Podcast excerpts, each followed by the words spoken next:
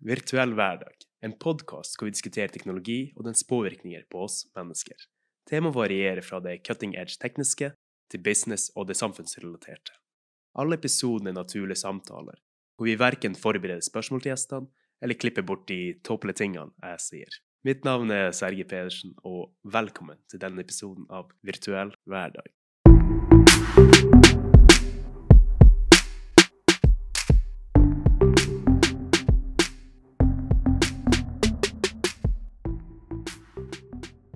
Hei, og velkommen til dagens episode av Virtuell hverdag. I dag har jeg med meg Frank Vedde. Frank er kanskje ikke så mye en teknolog, men han er fortsatt veldig kjent innenfor teknologibransjen. Både for hans taler og som konferansier. Eller memoransier, som han sjøl kaller det. Fordi det er jo det som er fagfeltet til Frank, og det er hjernen og hukommelse. Han har både skrevet bøker på det her og vært en aktiv atlet og konkurrert i hukommelse over hele verden. Så i dagens episode diskuterer vi hva er hjernens rolle innenfor denne teknologiske progresjonen som vi ser. Er det fortsatt noe vits å ha god hukommelse når du har alt på applikasjoner og på Google? Så en veldig gøy episode med en utrolig energisk og gøy person. Jeg håper dere liker den. Snakker du om bedriftskultur i Norge, i altså sammenlignet med bare over til Sverige, men Mm. litt mer ned på kontinentet og mye Asia? hvor jeg I Singapore bodde de ti siste årene, så dette med struktur og planlegging Ja, vi ligger noen del år etter, da, for å si det. Mye mer uformelt. Så det er både positive og negative Mm. ting, selvfølgelig. Men, men dette her med nesten mangel på planlegging, og at det nesten går seg til på en eller annen måte. Allikevel, utrolig nok, uansett. Men det gjør jo også at innimellom så faller du helt på trynet, ikke sant? Hva fikk deg til å flytte til eh, Singapore? Ja, si det. Jeg har alltid vært veldig opptatt av hvordan du kan få maks ut av både hode og kropp. Ok? Og vært litt sånn addict, litt sånn uh, hekta på det å forbedre meg. Jeg syns dette med eh, mestringsfølelse er en utrolig digg følelse, rett og slett. Og for meg har alltid vært en, en mening med, med Konkurransedrevet person. Ja, ja men, men noen ganger også det Ikke bare nødvendigvis bare det å vinne. Mm. Eh, det er litt sånn som uh, treneren til uh, Conor McGregor skrev en bok nylig. og Han sier 'You win or you learn'. Mm. Og ofte altså, der du faktisk har, f- har følt den største mestringsfølelsen, er kanskje der hvor du først gikk på trynet. Du har fått litt motstand først, da. Og så halvveis gått på trynet eller kommet litt ut av balanse et par ganger. Og når du da til syvende og sist ender med at du mestrer det ah, Så digg med å mestre første gang, så piece of cake. Mm. Da ble liksom ikke den høyden spennende nok, da. Ja, og du verdsetter ikke i samme grad heller. Det her er jo litt av det med å peak early. Så Ja. du har det veldig i USA spesielt, hvor du har eh, prom queens og prom Mm. hva det er oppsett til det er. Av de som oftest også ender opp med å jobbe på McDonald's. Ja. For de har egentlig oppnådd alle de tingene som de skulle oppnå, og ikke hatt noe motstand, ikke hatt noe evne til, å lære å overkomme det her og søke etter mer. Ja, Så ender de bare der hvor de starta. For noen er jo dette glasset her det er sånn, det er fikst. Men for andre blir det mer og mer growth mindset. At du Mm. kan, den containeren her kan være litt større, og den kan få forskjellige størrelser i forskjellige settinger og perioder du har i livet osv. også. Så grunnen til at jeg havnet i, i Singapore det, det, er, det er flere grunner. Men å ha vært da en, en geek og, og holdt på med hjernetrening i lang tid, så er det spørsmål skulle du da for ja, 13-14 år tilbake, da jeg først begynte å lukte på Singapore, Mm. Eh, og sammenligne. Hvordan er det hjernetrening? Hva slags posisjon har eh, denne spacen i Singapore i forhold til Norge? I Norge så var det sånn Hjernetrening! du, er du fjern, eller? Det må du lenger ut på landet med. Ja, yeah, right, ikke sant? Mens i Singapore oh, Brain training! I love it! How? Where? When? How much? Ikke sant? Så det er helt kulturell forskjell til det. kulturell forskjell. Og så hadde jeg vært der mye lenger allerede. Så I Mm. Singapore så var det sånn Vet du hva, vi har ingen naturlige råvarer. Eh, landet er på størrelse med Oslo, og innbyggertallet er på størrelse med Norge. Mm. Så det de gjorde, de rett og slett importerte det meste av brainpower de kunne fra hele verden. De tok, altså sugde til seg all knowledge og brainpower de kunne ta, og så kopierte de og lærte og prøvde å forbedre og forbedre og forbedre. Mm. Så de satt rett og slett hjernetrening og det mentale uh, som mål. rett og slett at Dette skal bli vårt internasjonale konkurransefortrinn. Og det her var hvor mange år tilbake allerede? Ja, Det er jo mer enn ti år tilbake at jeg flyttet dit. Så Jeg, var, eh, jeg har vært en del år ellers i utlandet. Jeg Var et år i India, jeg var, eh, var noen år i Spania, Portugal osv. Men nå har jeg alltid hatt ti år i, eh, i Singapore. Så der var det helt hekta på som alt, alt som hadde med hjernen å gjøre. Så fremfor å også bygge et behov, skape et marked, heller, eh, heller gå til å bli som han skoselgeren som skal ringe hjem eh, til, eh, til sjefen sin fra Sahara Mm. og sier som så Sjef, du, dette her er helt håpløst. Det er ingen som bruker sko her. Mens han andre konkurrenten som sier Sjef, dette er helt fantastisk marked. Ingen bruker sko. ikke sant? Hva skal du gjøre da? Så jeg, jeg var kanskje litt, litt som den første og sier vet du hva, du, eh, jeg kommer tilbake til Norge senere. Mm. Når eh, produktlivssyklusen har kommet bitte litt lenger. Markedet er litt mer modent. Men først drar jeg dit hvor det var stor etterspørsel fra før. Ja, den eh, skjønner jeg absolutt godt. Fordi du har jo en egen bedrift som heter Memolive. Vi kan også ta en eh, liten historie på hvorfor du faktisk starta noe sånt. For det er ganske unikt i seg sjøl. Men du måtte da, eller du følte at du måtte fære til Singapore for å utvikle den bedriften skikkelig. Før du kunne ta det samme konseptet og komme tilbake til Norge. Ja, og så visste jeg vel egentlig ikke akkurat der og da da jeg startet det, at, um, at det var i Singapore jeg skulle evne. For jeg var et år innom uh, Madeira og Portugal først, hvor jeg drev mye med produktutvikling. Men jeg Høres ut som du har reist gjennom hele stedet her. Jo da, jo da, jeg bodde en del land. Um, men jeg jobbet i sin tid som uh, ledelseskonsulent. Uh, og også begynte som markedsanalytiker, og så gikk jeg gradene. og og pga. å snakke en del språk, så er jeg så heldig å kunne jobbe med en del prosjekter og en del internasjonale kunder. Altså jeg reiser mye over hele, hele Europa. Og mm, så sa jeg vel, nesten for å kalle en spade på seg, sa jeg mer eller mindre for kødd til uh, kollegaene mine og si at hvis jeg vinner dette årlige prosjektet her det, Og i det selskapet Experience Business Strategies, jeg jobbet for, da, de hadde en, en årlig feiring uh, som befant seg på et slott utenfor London. Da var det 200 ledere fra hele verden. da. Uh, og jeg sa som sånn at ok, hvis jeg vinner det kuleste, kuleste foredraget, kuleste prosjektet, så, så slutter jeg. Da er, det, da er det ikke noe mer å gjøre her. på en måte. da har jeg runda denne bransjen. Ja, nest, Nesten. Det var, var ikke det, ikke sant? Um, og, så, og så ble jeg nummer to, men det var alltid han gründeren der som var nummer én. Så ble det egentlig det regnet som nummer én. da. Så jeg fikk store gratulasjoner. Så jeg husker at jeg gikk utenfor det slottet her, langs vollgravene og disse labyrintene og alt sammen. og og så så jeg for meg hva de for noen generasjoner tilbake, altså middelalderen Mm. hva, hva, holdt de, hva følte de som jobbet, de ridderne, de som var der, konge og fedreland altså Det var sikkert en illusjon, men, men jeg følte i hvert fall at det mission som de hadde, da ikke sant, og De hadde en mission i livet, og ting var satt, og alt sammen. Og jeg følte som Hva i helvete er det jeg lever for? Mm. Jeg følte det var veldig tomt. Det hadde blitt veldig falskt, det, det jeg holdt på med. Og jeg følte meg ikke Altså, de verdiene som hang i stor grad på, på veggene til mange av de kundene som jeg hjalp, da, eh, de var ikke utsatt til vaner i praksis. Det var topplinje eller bunnlinje, end of story. Mm. Men, men det å faktisk skape en ordentlig verdi, altså utover ba, bare dette her regnskapet, nei. Det var liksom noe du, du, du sa i, på store forsamlinger. Ja, det er Men det var ikke noe som typiske verdiene som du må bare ha på ja, ikke sant? Som, som alle halvt vet hva er, men Mm. ingen gjennomfører i praksis.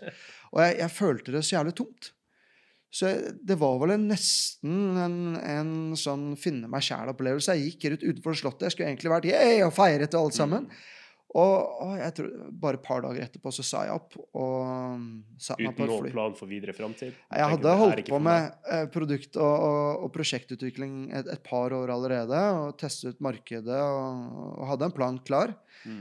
Men eh, kunne jeg holdt på lenger og så satset litt sånn parallelt? Ja, det kunne jeg helt klart. For det er mye feiling og læring, for å si det sånn. Men jeg hadde bare gründere allerede her på denne podkasten, og alle de sier du kan ikke balansere det ut. Du må bare hoppe i det og satse 100 faktisk se om det her kommer til å fungere eller ikke. Ja, det, Har du en fallskjerm har du en vei tilbake, så er det du tar den når ting går vanskelig. ja, det, det, det sies jo mange av klassiske bøkene. Napoleon Hill, Think and Grow Rich og mange av de andre. Og så Burn Your Bridges! du er kanskje motivert av dette her. Altså, altså jeg gjorde det, Burn My Bridges. Da. Men tenk, altså er etterpå, eh, hva, hva heter det på norsk? da? Etterpåklokskapens ånd, osv. Det er alltid lett å gå tilbake og si det, det burde gjort eh, annerledes. Eh, så jeg kunne nok vente litt lenger, men jeg, jeg brukte det momentum jeg hadde da, og så gun på, rett og slett. Men, men det er noe annerledes å, det jobbe som eh, en ledelseskonsulent i B2B-markedet, for å så gå og satse på et digitalt prosjekt ut i B2C-markedet. Ja, for hva var det her digitale prosjektet som vi enda ikke har beskrevet? Ja, Min visjon den gangen var å hjelpe da forbrukere eh, lære mye hurtigere. Mm. eh, Nesten lære hva som helst. Trene hjernen til å bli fremtidssikker. Lære å lære hurtig, omdanne ting til vaner. Og de to flaggskipproduktene vi hadde da, var um, hukommelsestrening og akselerert språklæring. Det har vi for så vidt i dag også, men i dag er det, det, er, det er mye mer sammensatt, og du lærer man, mange med andre ting. da. Så vi fikk tidlig et uh, samarbeid med Nettavisen. Så vi solgte dette til, da, da het vi hjerneklubben.no. Kanskje noen som husker det fremdeles. Eh, det var via Microsoft sin plugin Silverlight. Okay. Så da jeg først havnet i Singapore, så fikk jeg en avtale med Microsoft. Og de var veldig keen den gang da. De skulle gå og konkurrere med Flash. eh, Og få folk over til, eh, til Silverlight. Da. Så de ga oss to programmerere nesten fulltid et halvt år for å utvikle våre da hjernetreningsspill den gangen. Mm. Men fast forward, da kanskje ett og et halvt år frem i tid, så bestemte jo både Flash, og, altså Adobe da, og, og Microsoft for, uh, seg for og de både skulle legge ned sin Civileye-plugin og Flash-plugin og skulle gå på HTML5. Ja. Så det var den fundingen. Eh, Det var den fundingen. Så vi, vi, jeg tror vi solgte første dag ja, da vi lanserte med, med Nettavisen, og vi jublet og yay! Mm. Um, vi solgte vel, jeg tror, Dette var da enkle medlemskap for kanskje bare en hundrings per måned per stykk. Vi solgte vel så mye som 24 000 første dag. eller noe sånt. Wow. Så vi hadde solid salg. Eh, men eh, etter et par måneder allerede hvor eh, Mac ikke eh, begynte å støtte Silverlight lenger, det var Mm. konkurrent med Microsoft osv., og, så videre, og flere og flere ikke begynte å funke, og du begynte å skjønne at vi satt da på en plattform som var synkende, da var det ikke så gøy lenger. Ja. Og det er jo alltid det som er utfordringen når du ikke eier plattformen. Når du står på andre sine rygger. Det er akkurat det, da. ikke sant? Så vi brukte mange år fra den gang for å føle oss sikre nok på at vi satser på teknologi som var såpass uavhengig da, av én aktør i markedet, før vi turte å satse på det igjen. Men gikk dere videre da med å utvikle egne plattformer? Er det dere gjorde i Singapore? Eller forandret dere hele produktet? Nei, vi, vi ventet til HTML5 var moden nok, slik at vi kunne være hybrid eller Mm. kryssplattform, for å si det sånn. Og så lagde vi vår egen plattform basert på den programmeringsplattformen, hvis vi skal kalle det det, da. Så jo da, eh, brent barn, eh, brent barn skyr, skyr ilden, for å si det sånn. Nei, du skal feile litt, du skal gått litt på trynet, ikke sant? Så uten det så lærer du ikke. Akkurat det. Det er sånn det er å være gründer. Ja. Og det er sånn du vet også hva som fungerer framover. Helt det er klart. å bli dregd matte under et par ganger. Ja. Altså, jeg er stor fan av det altså alle Silicon Valley-gutta sier. eh, fail fast. Altså, men Mm. klarer du, hvis du klarer å unngå å feile Vi snakke litt innledningsvis om det. Dette her med å planlegge. Jeg er jo halvt tysk, og jeg er veldig glad i å planlegge. Mm. Men det er litt med analysis paralysis også. Når er, når er skjæringspunktet med å planlegge nok til å planlegge for mye? For hvis du har planlagt for mye, så er det mulig du aldri ville satt i gang uansett. For det er bare problemer her. Shit, det kan du ikke gjøre. Det er akkurat det. Fremfor du å ha- prøver å løse alle sammen før du faktisk går videre, og du blir sittende i den evige loopen med å finne nye problemer å løse. Ikke sant? Altså, Jim Collins, hvordan sa i første boken hans, from, 'From Good to Great'. Mm. En god, altså solid blanding da av entreprenørskap, eller jeg kaller kreativitet, da, med disiplin. Kreativ disiplin er mitt livsmotto i businessverden. Og, og du har jo mye kreativitet i entreprenørskap når du er i en tidlig fase som gründer og lite team osv. Og, og etter hvert så må du få mer og mer prosesser og disiplin, som ofte går på bekostningen av kreativiteten igjen. Så klarer du, hvis du skal være den fjerde toppkvadranten i den BCG-tilsvarende matrisen her, da, Mm. både ha altså, kontinuerlig kreativitet og nyskapning, innovasjon, men samtidig ha gode strukturer og disiplin i bunn, det er utfordrende, ikke sant? Ha, ha riktig team som kan være med der i forskjellige faser osv. Riktig eh, rollefordeling. er Utrolig fascinerende. Kanskje lettere i teorien enn det er i praksis. Ja. Ja. For selskapet ditt har nå vokst til ganske mange ansatte, har det ikke det? Du, eh, nei, vi er fremdeles, eh, vi er fremdeles liten mengde ansatte. Mm. Fremdeles under eh, ti ansatte, men vi har mange partnere som vi jobber sammen med. Så jeg forteller to ord om, om Memolife, da, og, og hvorfor vi holder på, hva vi holder på med, Gjerne. Så, så trenger vi i dag å omstille oss hurtigere enn det vi gjør. Mm. Du ser at det, det løpet i Bedrifts-Norge, eh, samfunnet generelt sett, og i Skole-Norge, det går altfor treigt. Mm. Jeg, jeg liker å sammenligne Norge med eh, de der froskene som eh, de kjenner at de, de er i den kjelen. Det blir godt og varmt her, og så begynner det å bli litt ubehagelig varmt. Og så tenker de skal jeg hoppe ut? Nei, nei, det er ikke hille foreløpig, er det vel det? Det er ikke ubehagelig, ikke veldig ubehagelig, til det kanskje er for seint. Og vi er kanskje i den, et eller annet skjæringspunktet der nå at det begynner å bli for seint. Det er ikke noen grunn til at vi på den siden av, eh, av grensa her skal ha dobbelt så mange uføretrygdede som uh, over på den svenske siden og andre steder. Hva hva kommer det av? Vi har det altfor godt. Vi er litt som disse froskene. Så vi må våkne opp. Uh, det, både på samfunnsnivå, uh, på bedriftsnivå og på skolenivå. Så hvis du ser på hva er det som er de viktigste fremtidsferdighetene nå fremover Mm. Nummer én evnen til å kunne lære hva som helst hurtig. Altså det å lære og lære, jeg kaller det akselerert læring, er den Mm. desidert viktigste fremtidsferdigheten. For både ferdigheter, kunnskap og vaner kan bli utdaterte. Men har du evnen til å kunne lære og lære hurtig, så vil du være fremtidssikker uansett. ikke sant? Ja, for det er det her som går på kontinuerlig læring, og Yes. ikke bare slutt etter du er ferdig med videregående eller Ja. universitetet. Ikke sant? Og, og for, eh, hva er det å lære å lære? Altså, du kan ha lært en teoretisk ferdighet, eller du kan ha lært deg noe kunnskap. Men altså eh, i, I praksis vil jeg si jeg driter egentlig om, om eh, du kan mye teoretisk hvis du ikke omdanner det til praksis. Ofte hvis du tar og kikker inn vi snakket litt om det stedet sted også, inn i Bedrifts-Norge, disse verdiene som da henger på veggen, så er det stort gap over til vanlige hverdager. Mm. Altså, vanlig i hverdagen. Så hvis vi ikke har bygd bro da, for disse verdiene på veien til vanligere hverdagen, Mm. så er det for meg altså likegyldig. Det blir jeg kaller mental onani. Yeah. Ikke sant? Du kan skryte på det ABC. Så læring er ofte det teoretiske, Mm. men vaneendring er det du også må ha med en annen fremtidsferdighet. Akkurat, for det går litt på det med, som Aristoteles også sa, du er det du gjentatt gang gjør. Ikke sant? Så å bare si at det her er mine verdier, betyr ingenting så lenge det ikke gjenspeiler i din hverdag. Ja, og da er vi litt med den verden vi er i her også, sosiale medier osv. Mm. Det er jo lett å kunne ha på seg, få på seg alter ego. Men hvis du blir konfrontert ofte nok ganger foran dette her, så blir det vanskelig å gå på de samme løgnene. I dag må du være autentisk til en viss grad. ikke sant? Folk blir tatt på det, hvis i hvert fall det skal være et, et brand, et sosialt brand eller et business brand over lengre tid. Vi, folk følger folk, og vi Mm. følger, følger autentisitet på en eller annen måte. Så den tredje, eh, som jeg kaller fremtidsferdighet, er dette med funksjonell hjernetrening. Hvilke vitenskapsbaserte teknikker og metoder kan du bruke for å trene hjernen slik at du får en bedre hverdag i dag allerede, som også gjør deg fremtidssikker i morgen, men fremfor alt gjør at du skaper nye forbindelser i hjernen, eh, og, rett og slett får en bedre mental helse som en bonuseffekt. da, ikke Ok? sant? Hva du legger i mental helse? Ja, rett og slett det at hjernen er en overlevelsesmaskin. Den er fantastisk smart, men også fantastisk dum. Eh, så den, den, den lever i nåtid, og den følger minste motstands vei. Og, og hvis det gapet mellom de vanene du har i dag, da, som gjør at du ikke angrer på så veldig mye i morgen, Mm. og du fortsetter å hele tiden gjøre mindre dumme ting i morgen enn du kanskje gjorde i dag og i går. da.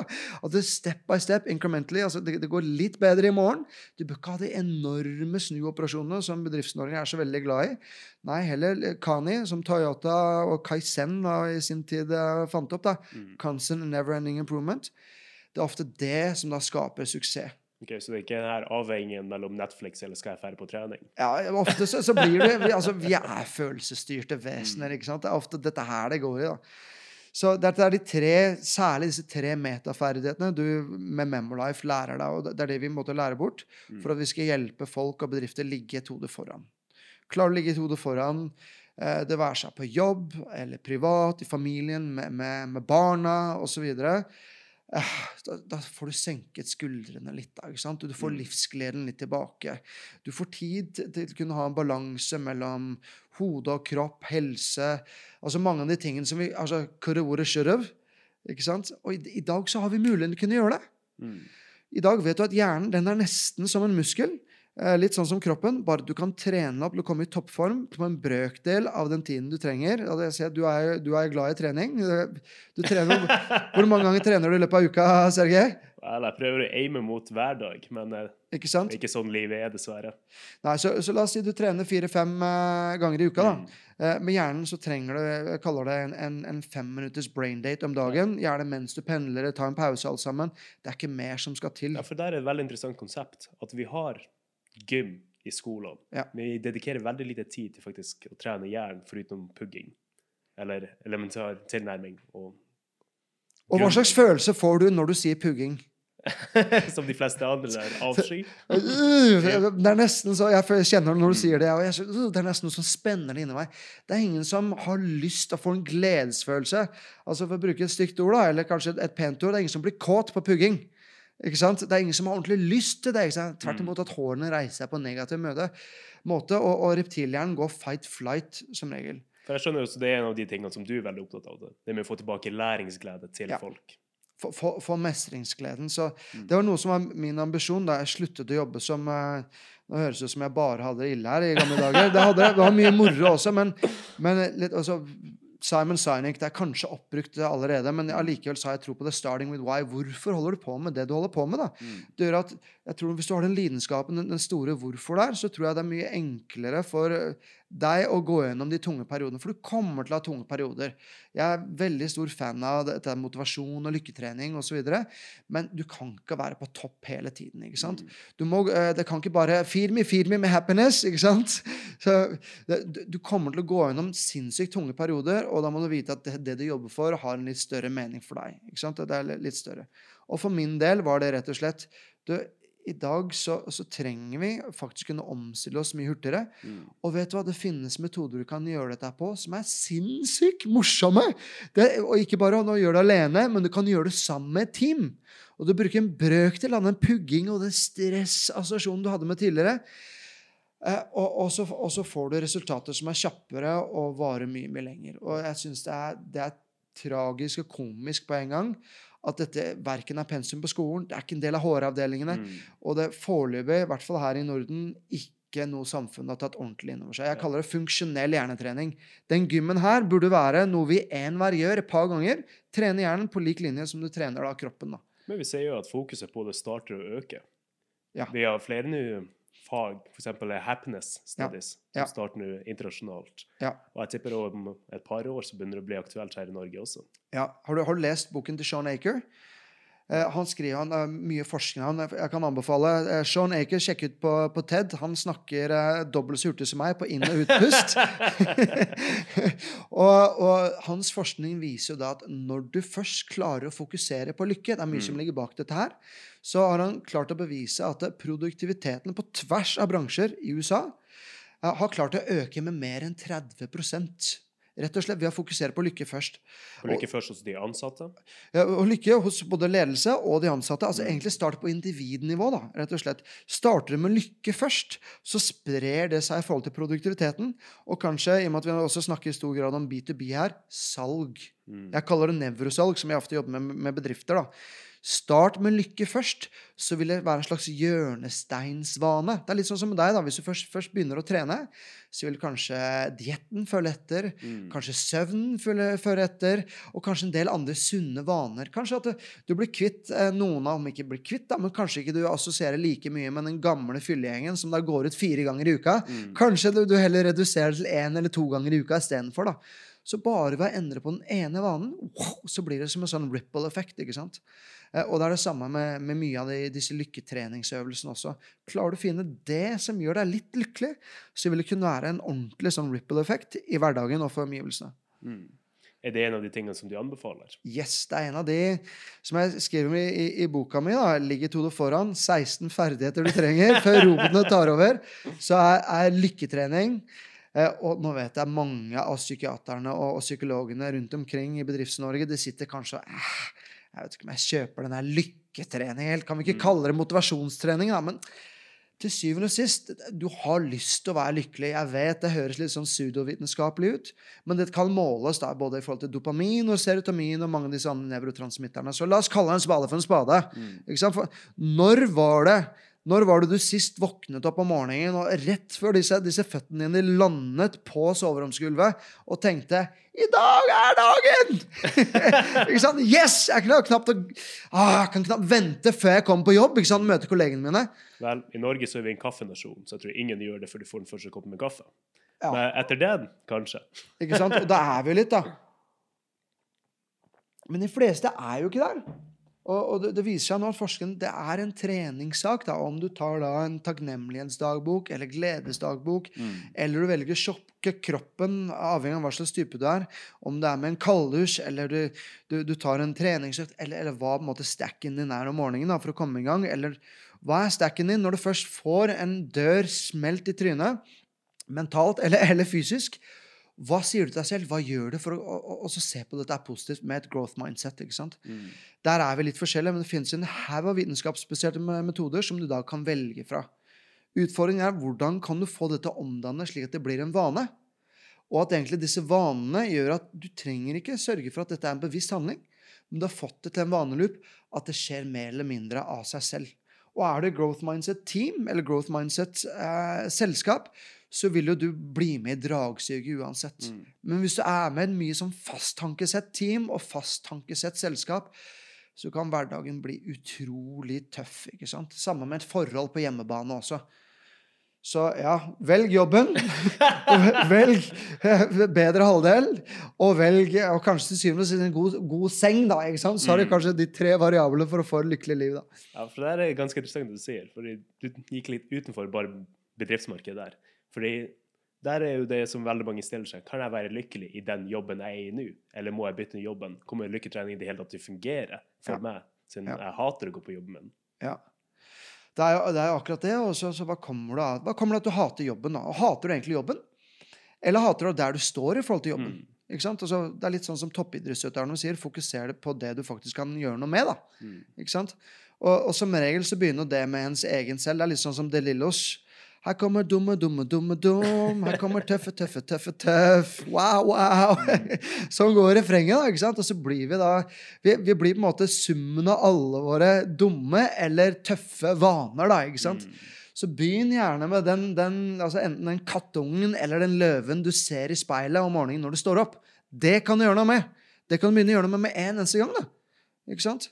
Uh, og så er det ikke sikkert alle de eksterne faktorene du kan gjøre noe med med en gang. Men klart, Hvis du har prøvd å, å, å, jobbe mye med deg selv, og du bare blir motarbeidet på alle de eksterne omgivelsene Det er klart at det, det, er, det er, ikke uten grunn at de fleste vaneguruene sier at hvis du først skal endre en vane, sånn som ny diett, trening, røyking eller positiv indre dialog, eller hva det skal være, gjør det i forbindelse med en ferie. Mm. Gjør det i forbindelse med når du har faktisk byttet omgivelser, for da får du så mange nye andre inntrykk. Og da har du endret på det, som er en ubevisst hjørnestensvane. For hjørnestensvanen er faktisk at du omgir deg i samme omgivelse til enhver tid. Mm. Vi gjør mer eller samme om og om.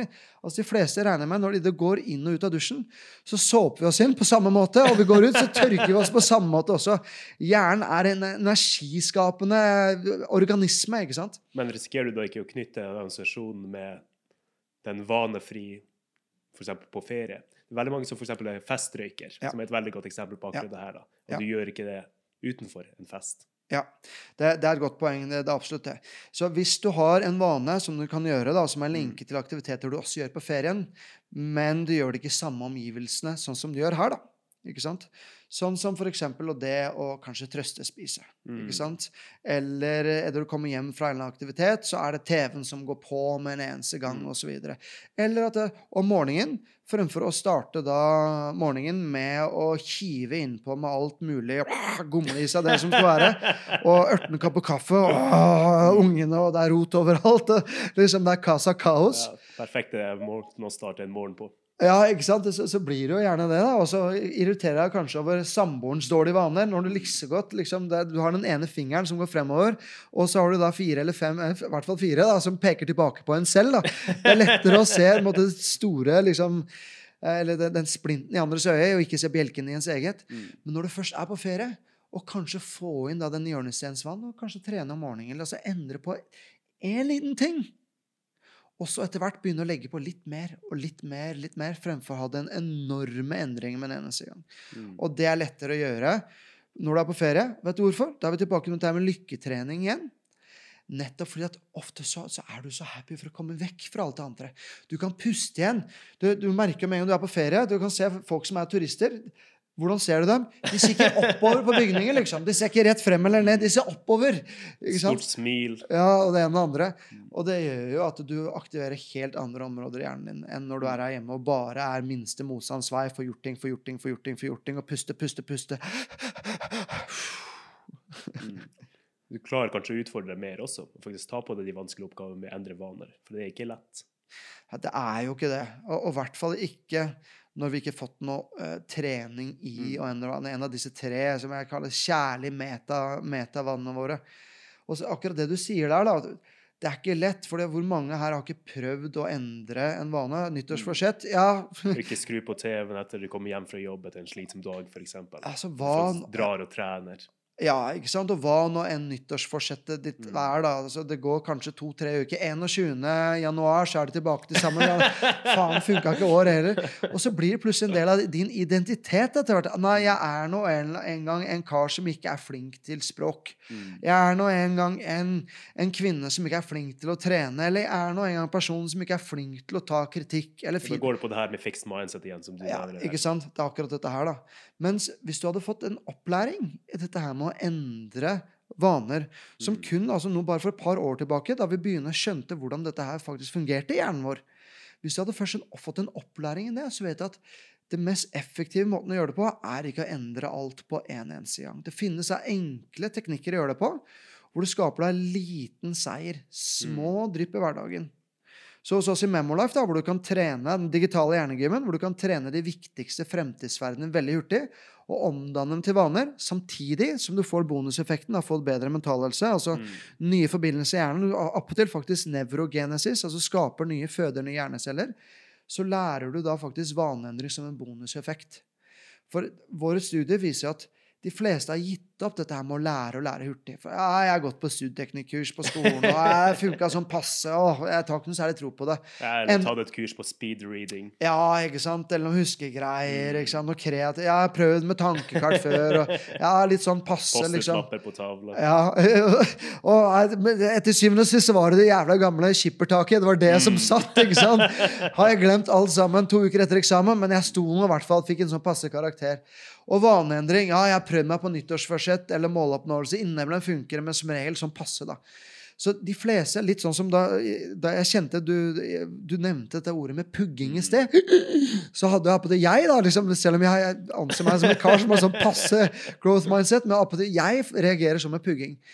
Så jeg hadde den tesen Hva hvis du kunne lært akselerert læring, vaneendring og funksjonell hjernetrening som rett og slett bonuseffekter? Altså to eller rett og slett tre eller fire fluer med en, en stein? Så vi lagde da en tese i forhold til dette, og da tok vi bl.a. kreativ problemløsning, da, som den eh, godeste Ilan sier at dette er det eneste faget fremtidsskolen kommer til å ha på pensum. Jeg mener du kommer til å ha et par andre fag òg, men du kommer i hvert fall til å ha kreativ problemløsning. Mm. Så hva hvis du lærte eh, det jeg kaller for nevrokommunikasjon? Det kunne snakke til forskjellige hjernetyper. Hva hvis du kunne lært kreativ problemløsning? Ok, Før du går videre der, hva Ja. du mener med den delen? Snakker de forskjellige hjernetyper? Ja. Eh, litt flåsete sagt. Det er nok litt eh, pseudovitenskapelig. Eh, fordi at det finnes mye forskning som er gjort i forhold til hvordan vi faktisk bruker sansene våre Mm. til å fordøye inntrykk, og hvordan vi bruker eh, altså Ofte kalles det for submodaliteter. Altså hvordan vi lagrer sanseinntrykk og bruker det som en slags ramme rundt abstrakte begrep.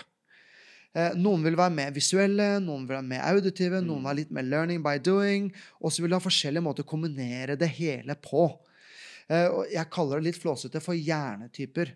Det funker kjempebra i forhold til eh, kommunikasjon med andre mennesker. Funker kjempebra i forhold til kreativ problemløsning og logisk analytisk tenkning. Og det funker kjempebra i forhold til relasjonsbygning. Så la, la meg svare med å stille deg et spørsmål. Eh, Spennende. ja, vi får se. Drumroll. roll. Så um, syns det er en god idé å oppføre seg mot andre som du vil at andre skal oppføre seg mot deg. Ikke bli lært opp til å si ja, uansett. Ikke sant? Ja, altså, du, du, du, du sanset det kanskje, at det var et lurespørsmål. Så vi har blitt lært opp til å si ja. Og nå vet du at hjernen er like unik som vårt fingeravtrykk. Mm. Så la meg komme med en analogi. Da Da jeg først flyttet til eh, Singapore Jeg hadde bodd et år i, i India i mellomtiden. Eh, og som tysker, så, som avsender da, for et budskap, så har jeg lært at direkte kommunikasjon, det er ærlig, det er autentisk, da, da er du til å stole på. ikke sant? Skyte rett fra levra, det er bra. Altså Gjør du det Singapore, Kina eller Sørøst-Asia, tatt, så får du en fiende for livet. Såpass? For der dreier alt, altså godt som alt, altså om å ikke tape ansikt. Mm. Så du skal heller si det bakveien. Søk Rundt- kommunikasjon? Ja, altså gi det indirekte, og gjerne kanskje appåtil få noen andre til å si det. Mm. Ikke sant? Og hvis du først skal si det direkte, så er det ikke sånn som Da er det sånn Du, ja, hva hvis vi kanskje hadde gjort det på denne måten? Jeg hørte at jeg leste en historie at det ble gjort på den måten, og jeg hørte at feedbacken fra det eksperimentet der, det var veldig bra. Kanskje, kan, kan, kanskje, kanskje du og jeg skulle prøve på den måten også? Ikke gjøre det personlig i det hele tatt. Ja, som en tysker, da, jeg- la meg si, selv om jeg er halvtysker her nå, da, jeg går på tysk skole, så ville det ofte blitt oppfattet som du, her er det uglemosen. Du, kall en spade for en spade. Hvorfor, hvorfor går du rundt grøten her? ikke sant? Si det direkte, da. Ikke sant? Hva slags tull er dette? Det ville kanskje en tyk, tysker reagert mye mer på. Mens da i Singapore og Asia der, så var det at å ha den direkte approachen der, det kan du bare glemme. Da har du virkelig fått det til å tape ansikt. Og sånn er det litt med hjernetyper også. Så noen eh, liker det mye med direkte approach, noen liker mye med indirekte approach.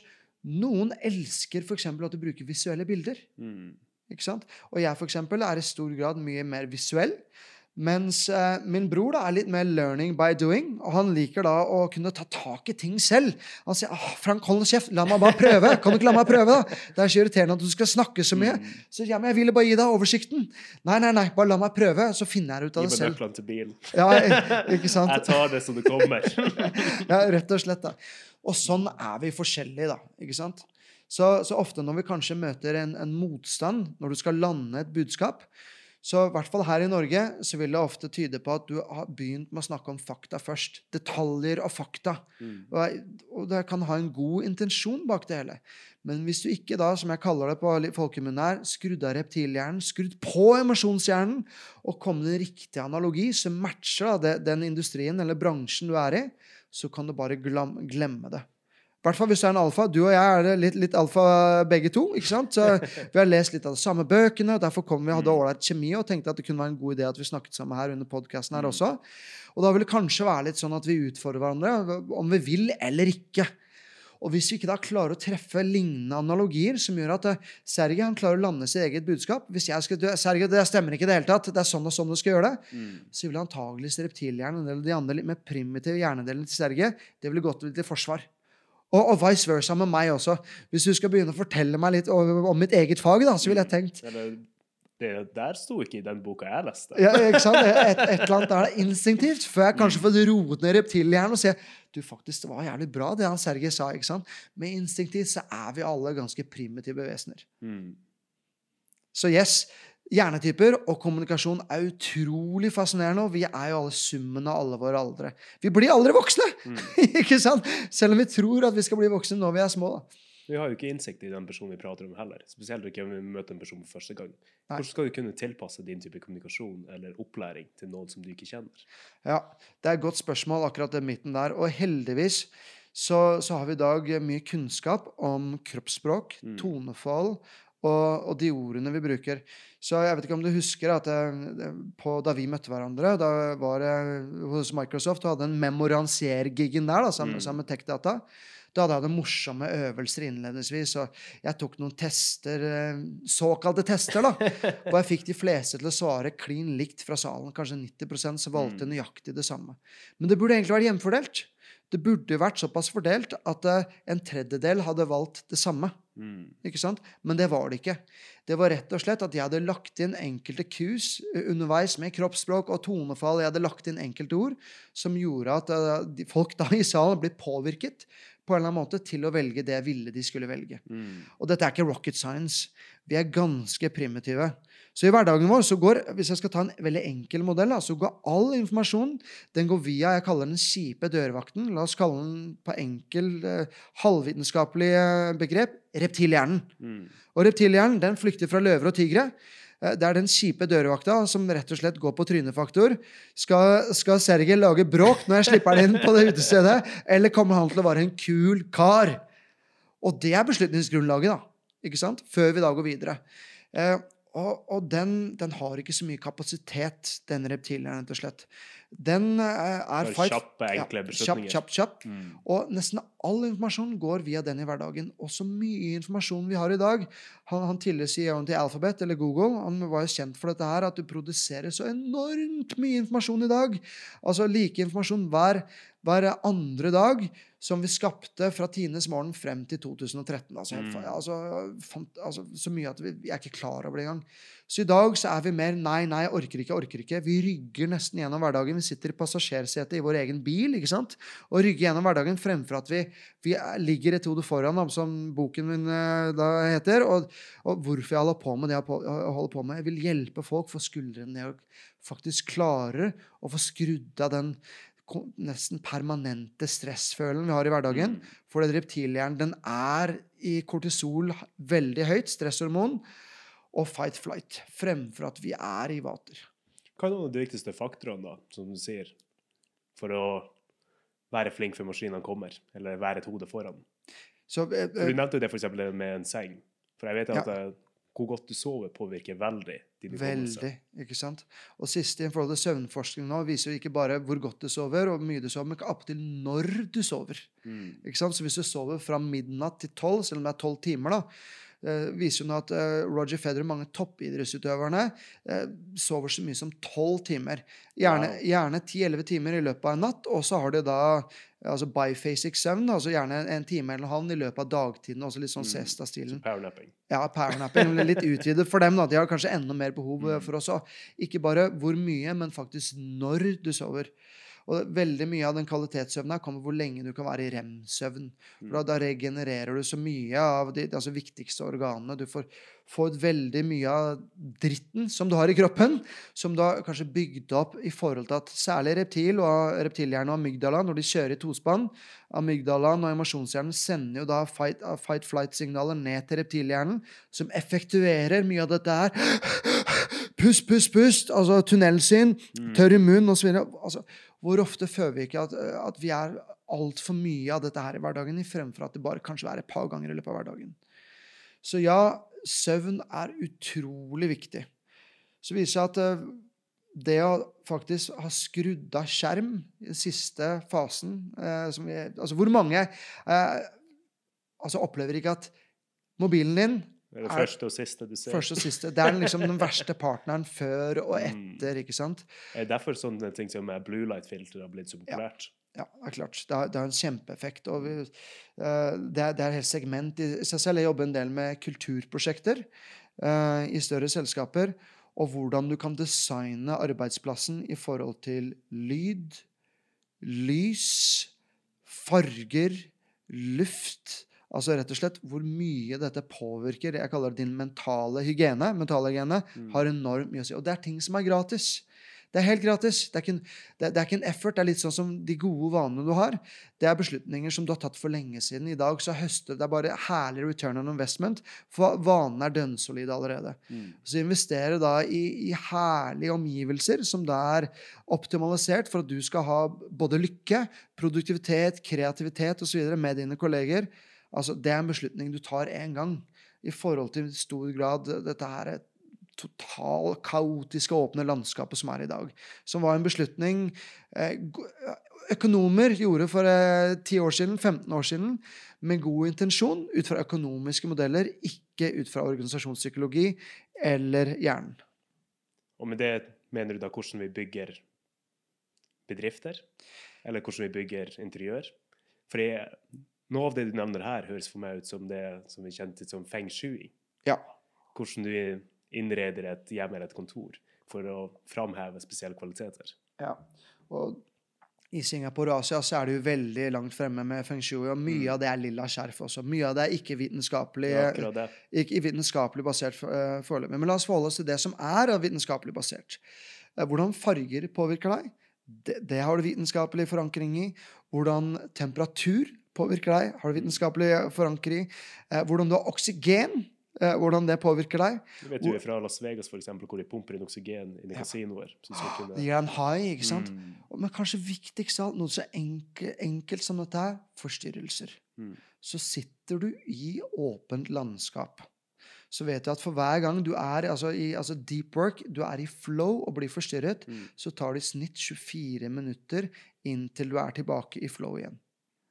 Og hvor ofte blir du forstyrra i åpent landskap i dag? Jo, i snitt hvert femte minutt cirka. Det er Mm. forskjellig. Noen sier det er, det er, det er, så lite som ti minutter. Andre er ned til at det er, det er litt hver tredje minutt. ikke sant? Og derfor så, altså Når jeg er ute og, og holder workshops eller har da endringsprosesser med selskaper i dag, så er det nesten ikke en hånd som går opp når jeg spør hvor mange her føler at de faktisk jobber bedre hjemme og faktisk tar seg hjemmekontor for å ha dybdearbeid. Mm. Det er nesten ikke en hånd som ikke går opp. Og det er jo Hva skal jeg kalle det? Det det, det, det er i hvert fall synd, da, om jeg skal bruke et veldig vennlig begrep på det. Men det er, jo, det er kanskje enda mer trist. Men tror du ikke det er også en veldig naturlig evolusjon? Sånn som vi har starta å jobbe, at vi jobber litt mer remote, at vi jobber gjennom PC. At du har den muligheten til å jobbe uforstyrret på jobb, og heller dra på jobb for møter. Ja, la oss, la, oss uh, La meg kjenne på min egen forutinntent her, da. For jeg, instinktivt så kjenner jeg at jeg ikke er enig i det. Mm. Tvert imot, så, så, og dette er også empirisk, vi har snakket med så mange teams og så mange ledere, og også de som er på gulvet også, at det, eh, La oss bruke analogien da, at hjernen, eh, der er det elektrokjemi. Den beveger seg vekk fra smerte, hen imot glede. Mm. Og når jeg spør da, hva er det som er primus motor i forhold til hvis vi skal ha dybdearbeid, er det hen imot glede eller vekk fra smerte i forhold til å få det dybdearbeidet gjort? Som regel så er det, altså, det er mer vekk fra smerte og det jobbe under de forstyrrelsene og det stressmiljøet på jobben, jobben fremfor at det er hen mot glede å få løst oppgavene. Mm. Altså det er en flukt fra å konstant bli forstyrret. Og, og så, så er det kanskje litt hen imot å føle at vet du hva, i dag når jeg var hjemme, så fikk jeg gjort det meste av det jeg hadde på dagsplanen min. Mens når jeg er på jobb, og jeg, selvfølgelig der, er det, der jobber du i team, og det er, det er ting du ikke får gjort hjemme, selvfølgelig. Men ofte så ender jeg med å ligge et hode bak da, idet jeg reiser hjem, og da må sitte med, med overtid, fremfor at du ligger et hode foran. Mm. Og det assosieres med en dårlig, kjip følelse, rett og slett. Og etter hvert så blir dette her kronisk stress. Ja. Nå, nå maler jeg liksom fanen på veggen. Det er, det er selvfølgelig ikke alltid sånn. Og, og jeg, mange setter kan åpen landskap også være bra. Men ofte så er det nok assosiert med mer negativitet enn positivitet. Sånn som vi har organisert arbeidshverdagen vår i dag. Så du advokerer at vi går tilbake til eh, lukka rom, sånn som vi hadde før i tiden? Jeg eh, ja, mener i hvert fall at vi, må ha mer dedikerte eh, områder. At du Mm. kan ha mer grupperom. Noe åpen landskap, men noe altså helt dedikert kontor, rett og slett. Eh, det har da med omgivelsene å gjøre. Men dette her må også matches med jeg kaller det altså kreativ disiplin igjen. Altså, hva slags, altså Sitter du f.eks. i callsenter, da, så Mm. kan det muligens være greit å sitte i åpen landskap. ikke sant? Og, og du, du har litt av det, den teamfølelsen her. da, altså To pluss to blir kanskje fem, seks, syv, åtte. ikke sant? Eh, og kanskje de påvirker hverandre positivt. ja? Og er du i en idémyldringsfase, så og da også ja, selvfølgelig. ikke sant? Um, kanskje hvis det også er en beslutningsfase i et prosjekt. Men skal du virkelig ha al- altså dypt analytisk eh, tankeprosess Mm. ikke sant? Må, dypt må gå inn i forskjellige faser. Og særlig når vi vet at, at vi er så forskjellige hjernetyper. Vi tenker, altså Skal broren min og jeg jobbe sammen i faser hvor du virkelig må gå dypt, dypt inn Mm. og evaluere mange forskjellige alternativer, så vet jeg at jeg, som er såpass visuell og kunne hoppe fra det ene til det andre her, alt sammen som type, vil jo totalt forstyrre han. Han har lyst til å sette seg ned han, og, og ha på uh, og Slipknot. Ikke sant? Og, og for meg ville det vært total forstyrrelse. Mm. Og da, da kan ikke vi sitte og jobbe sammen der og da, men vi kan i fasene før og etter. Perfekt. Fasen der og da, glem det. Det må vi anerkjenne i dag. Det er ikke one size fits all. Mm. Og sånn er det dessverre i norske bedrifter i dag. Vi har ikke tatt høyde for at hjernen er dessverre, eller kanskje heldigvis, såpass forskjellig som den er, da, og det må vi respektere. Mm. Vi er også en veldig høy grad av introverter. En stadig voksende grad. Spennende. Ja. Vil du ikke si at de vil da jobbe bedre hjemme, og kanskje bare møte opp til de hendelsene som de må på jobb? Ah, vet du hva? Eh, dette her er, er det mange som prøver å løse. Og, altså Simon Sinek igjen, da, big fan, eh, har jo mange innbilte svar på dette her, og mange andre som også har innbilte svar. Um, teamet mitt fra, som jeg hadde i Singapore, hadde jo både en del eldre, mange PhDs, også yngre, som var i stor grad millennials. Mm. Uh, og det kulminerte jo eh, på dette her hvor, hvor jeg fikk et spørsmål fra Han het Franco fra Filippinene. Glimrende frontend-programmerer. Men han satt jo da ved siden av meg og sa Bosh, must go toilet. Can go toilet now? Du, du, sitter ved siden av meg! Hvorfor tar du og slacker meg det? Ikke sant? Hva er det mulighet her, da? Og jeg tror i veldig stor grad i dag så er millennials og også de som kommet enda etter, de har blitt trent opp være altså digital native, men altså, altså digital first. Mm. Så de har ikke blitt trent opp i I det vi kaller for klassisk vanlig kommunikasjon. Ja, vanlig kommunikasjon. De har ikke blitt trent opp Mm. eh, i det å få feedback i plenum. De har ikke blitt trent opp i, i like stor grad å forstå at vet du hva, det å feile er faktisk en del av å lære. Mm. Ikke sant? Altså en, en, en hyggelig, hyggelig liten klaps her, da. ikke sant? Og så shake it off, og så videre. I mye større grad.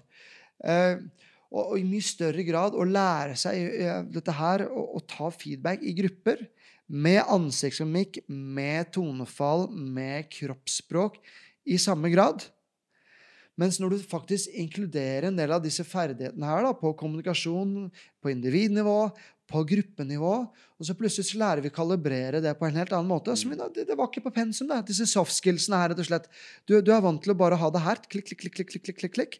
Og masse indre dialog som ikke nødvendigvis matcher med den ytre, altså ytre kommunikasjonen som vi som var eh, i hvert fall ikke digital eh, first, da, har.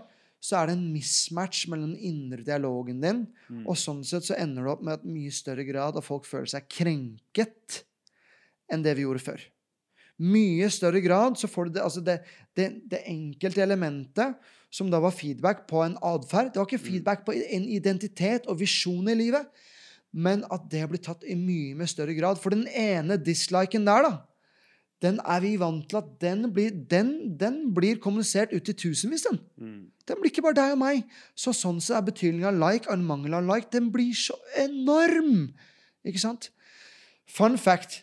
Du har et sted i hjernen som heter singulate cortex. Singulate på latin heter belte. Og det ligger over et område som kalles for corpus colossum. Det er det, altså den, eh, Nå begynner jeg altså geek alert her, nerd alert her. Det er den delen av hjernen som kobler venstre og høyre hjernedel sammen. Mm. Og den delen, det beltet som går rundt her, det lyser opp både når du får fysisk vondt, altså når du faller og virkelig får ordentlig vondt, Mm. som når du ikke får en like på sosiale medier. Eller hvis du får en Får negativ kommentar? Ja, rett og slett. Det liker jeg. Og her, hvis du drar den nå enda lenger, hvis du ikke har hvis du ikke er sosiale medier i det hele tatt, Mm. her kommer virkelig det som er sjokkerende her. Hvis du innbiller deg at du får en dislike eller manglende like i sosiale medier Det har ikke skjedd engang ennå! Du bare ser for deg at den her har du fått ordentlig dårlig street cred, eller Mm. sånn sosiale medier, dårlig sosiale medier cred. Hvis du ser for deg det, så lyser nøyaktig samme del av hjernen opp. Og vi kaller den den sosiale hjernen. Fremtidshukommelse. Så bare du ser for deg at du driter deg ut da, foran hele din sosiale vennekrets, som da i dag ofte er et par tusen, da. Mm. Da er det ikke- rart at vi rygger gjennom, altså som millennials i dag, at vi ikke tør å, å prøve på like mye ting som vi gjorde i gamle dager. De som er oppvokst med analog telefon uten å ha mobiltelefon og internett. Mm. Så jeg skjønner jo at dette er en treningssak, og step by step så trenger vi trene det opp igjen. Ikke alt på en gang. Vi kan ikke ta hele de kriteriene som, som fra min generasjon hadde, og tre alt dette ned over millennials i den nye arbeidshverdagen. Nei, vi gjør det litt bit for bit. Og på en litt annen måte enn det vi gjorde før. Ok, så tenker jeg det er sånne ting som egentlig går tilbake inn i skolen, at vi lærer opp folk i å være sosial. Rett og slett. Altså, du ser jo hvor mye mindre stressproblemer vi har, mye mer mobbeproblemer vi har, når vi får mobilfrie skoler. Da ser jeg mange av de som da Du ser det i Side, f.eks. i Aftenposten, mange som da har gått ut der, og mange altså twins, som mellom da barn og tenåringer, som har gått ut og selv har sagt du, jeg var stor motstander av Jeg var på barrikadene! Ikke ta mobilen fra meg! ikke sant? Mm. er det mange som har gått ut. Og så har det gått ut da, og der må jeg si kudos til dem, rett og slett. For de har gått ut og rett og slett sagt, eh, nakne som det, det har medført, altså at Jeg trodde at jeg kom til å hate, men vet du hva? plutselig så har jeg lært meg å se øynene på dem jeg snakker med. Mm. Plutselig så har jeg lært meg å lytte til dem på en annen måte. Plutselig så har jeg lært meg at, at Sergej han har en sånn morsom smilerynke på den ene siden som står litt mer opp enn på den andre siden. Altså Jeg har lært meg rett og slett det mellommenneskelige som du ikke klarer å få på de digitale flatene. Mm. Og når du ikke er der, når du ikke gir folk den lille ekstra tiden til å kunne fordøye ting så da, da, Det er nesten som hammerhaien. Den har åtte sanser. ikke sant? Vi har bare fem. Og plutselig så har du redusert hammerhaien til å bare bruke fem av dem da, en periode. Mm. Da, da kan jeg se for meg at den hammerhaien den hadde krasjet inntil noen korallrev her og der. da, For den, den bruker ikke sonaren sin og alle de andre sansene. Det her er et veldig kult eh, emne å ta opp. For det er jo det som er spørsmålet også om vi utvikler det som en society og som en species. Kommer vi da framover til å ha mindre behov for sånne følelser som framvisning av emosjoner? For om du kan dekke det samme gjennom bare tekst eller andre medier, har jeg behov for å vise det ansikt til ansikt? Har jeg behov for å se det i øynene, eller har jeg behov for å smile? Når jeg kan bare sende deg Ja, det smileyface. Ja, jeg sitter jo ikke med alle svarene, men det, det er helt klart det. Um, du har nå nylig studier som har blitt utført, altså fra litt eldre, mer enn ti år tilbake allerede, speilnevroner. Mm. Så for de som ikke kjenner til, til det, så innebærer det rett og slett at når jeg smiler, og hvis jeg smiler mye nok, så vil det da stimulere enkelte områder i hjernen din som gjør at du faktisk smiler. Jeg vet ikke hvorfor jeg smiler, men så, så plutselig så lever vi begge to. Ingen aning om hvorfor han lo, ja, men jeg lo med. Det var noe morsomt med det på en eller annen måte. Men ikke bare så har du speilnevroner i dag. Du har faktisk lydbølger som gjør at du og jeg vi kopierer hverandres lydbølger. OK. Og, og altså Vitenskapen vet ennå ikke helt hvordan dette her skjer. For hjernebølgene skal egentlig ikke gå lenger utover hjernen vår enn kanskje noen millimeter. Tror vi. Men av en eller annen grunn, når vi er på samme lydbølge, på samme bølgelengde, det er det vi, det vi sier da, så ser vi at vi speiler, vi kopierer hverandres lydbølger. Så litt form som eh, telepati? Som i telepati. At du, som at, nå begynner det nesten å bli lilla skjerf her.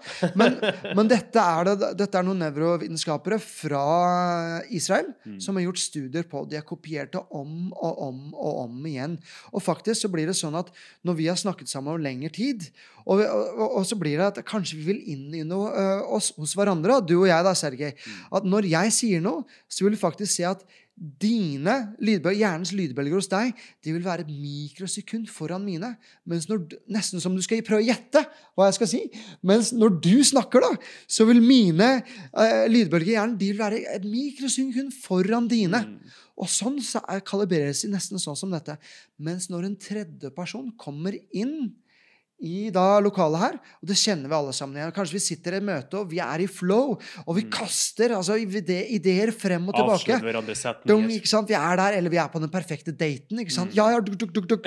Så kommer det, så kommer kanskje den kjipe kelneren inn, og endelig liksom må vi må ta regningen.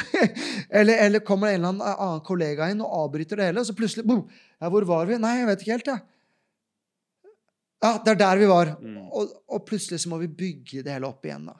Så det er mye mellom himmel og jord, og det kuleste er at vitenskapen nå bekrefter at det er veldig mye mellom himmel og jord som vi ennå ikke vet. Og eh, vitenskapen klarer bare å lese at det er sånn, men vi vet ennå ikke helt hvorfor det er sånn. Så jeg tror vi blir mye, mye fattigere, og det, det beviser nå millennials og de unge allerede, når vi da reduserer oss selv til kun digitale flater. Mm. Så det å ha en digital detox eh, et par timer om dagen, gå og omgi deg med natur, gå og omgi deg over med mennesker som tenker annerledes enn deg, det vil sørge for eh, å stimulere hjernen din på en helt annen måte. Det jeg kaller det gratis hjernetrening.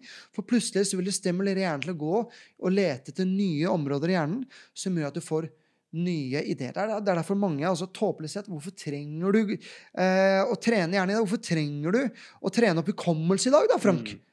Ikke sant? Når du har tilgang til Google, når du har tilgang til YouTube, så kan lære alt du trenger i det øyeblikket.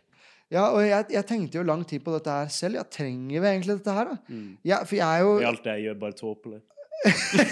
ja, Hvem er jeg? Hvorfor er Jeg jeg er vi tilbake til konsulentbransjen igjen. Fakturerer med høygaffel, eller når jeg ser meg selv i speilet, så tenker jeg som uh, De Lillos. Her kommer dumme, dumme, dumme, dum. Imposter syndrome, så det holder, ikke sant? Men, men så viser det seg det at eh, Ja, jeg kan søke eller det aller meste, og det er der. liksom, det med Google Assistant, Alexa, du får svar på en brøkdel, og, og som, altså stadig bedre, for å si det sånn. Men hvordan i helvete skal du vite hva du skal spørre etter, da? Hvis ikke du har en del tanker som ligger mellom ørene der allerede. Ikke sant? Og det er det som egentlig skjer. Fordi hvem som helst kan være en lab-rat som bare spyr ut. Det er karaoke-business. ikke sant? Altså, det er bare copy, copy, paste. Mm. ikke sant? Fremfor at det er model and improve. Vet du hva? Eh, Det gjorde de bra, det gjorde de bra, men der vi skal være helt unike, der innenfor det sementet her, der er det blue ocean.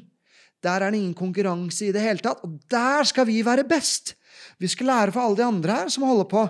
De bruker teknologi, de også. Men der vi skal være best, der, der er det ennå ingen konkurranse. Og der skal vi gå all in. ikke sant? Og eh, altså Det å synthesize nye ideer Der kommer hjernetrening. Du ser, nå, nå brenner jeg nesten over med Mm. dette her. da, fordi da blir du ikke karaoke-business. Da skaper du eh, faktisk altså, nye kategorier. Faren min han var med på å skape idretten kickboksing. Eh, han eh, ga svart belte til Elvis Presley i karate og var den første presidenten i det første internasjonale kickboksingforbundet. Men det eneste de gjorde, de kombinerte da spark fra Mm. Østen, fra karate og taekwondo osv., og, og så tok de med da boksing og dirty boxing fra, fra Vesten. Og så hadde de den gang da også med noe, noe kast. Og så var en, en, en sånn lett variant av mixed martial art den gangen. da. Uh, og de, som han sier i dag, altså, de fant ikke opp noe nytt. De kombinerte at det som funket, det tok vi med. Det som ikke funket, det driter vi. Det er det samme som jeg har gjort med Memorlife i dag. Altså, Vi har tre metaferdigheter, som da akselert læring, vaneendring og funksjonell hjernetrening. Det i seg selv er ikke noe nytt. Vi har finpuslet og forbedret litt. Men vi har rett og slett gjort at dersom du skal lære det viktigste fremtidsferdigheten i dag, altså kommunikasjon eller salg eller forhandlingsteknikk eller kreativ sine, de tingene her, så lærer du indirekte de viktigste metaferdighetene. Mm. Og det som er så kult altså Da bruker vi det, altså synthesize, det å skape noe nytt. Når du kombinerer da, altså eksisterende ideer og skaper noe nytt altså Det som skjedde med Norges nasjonalidrett på slutten av 80-tallet Vi tok noe fra skøyteidretten, så fikk vi fristil. Ti år etterpå så, så ble da alpinidretten misunnelig på snowboarderne. Nei, vi skal også to sider av disse brettene våre. Vi skal ha twin tips.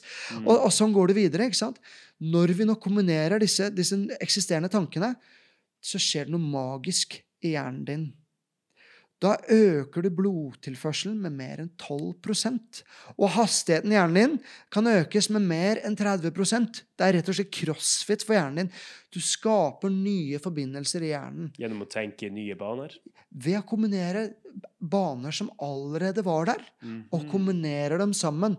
Det som da kalles for nevroplastisitet. Du kombinerer eksisterende tanker til noe nytt. Altså eksisterende baner, kombinerer dem sammen til nye baner. Nesten som at du hadde to parallelle, parallelle gater, da, og så kobler du det sammen og lagde et lite veikryss, og så fortsatte det to nye steder etter. Så plutselig så måtte du ikke kjøre herfra til Dammen for å kunne snu. Du snudde i Asker allerede. ikke sant? Wow!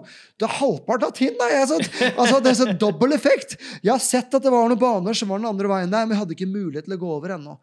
Og det skjer anatomisk i hjernen din. Så derfor så er det ikke nok å bare kunne huske ting.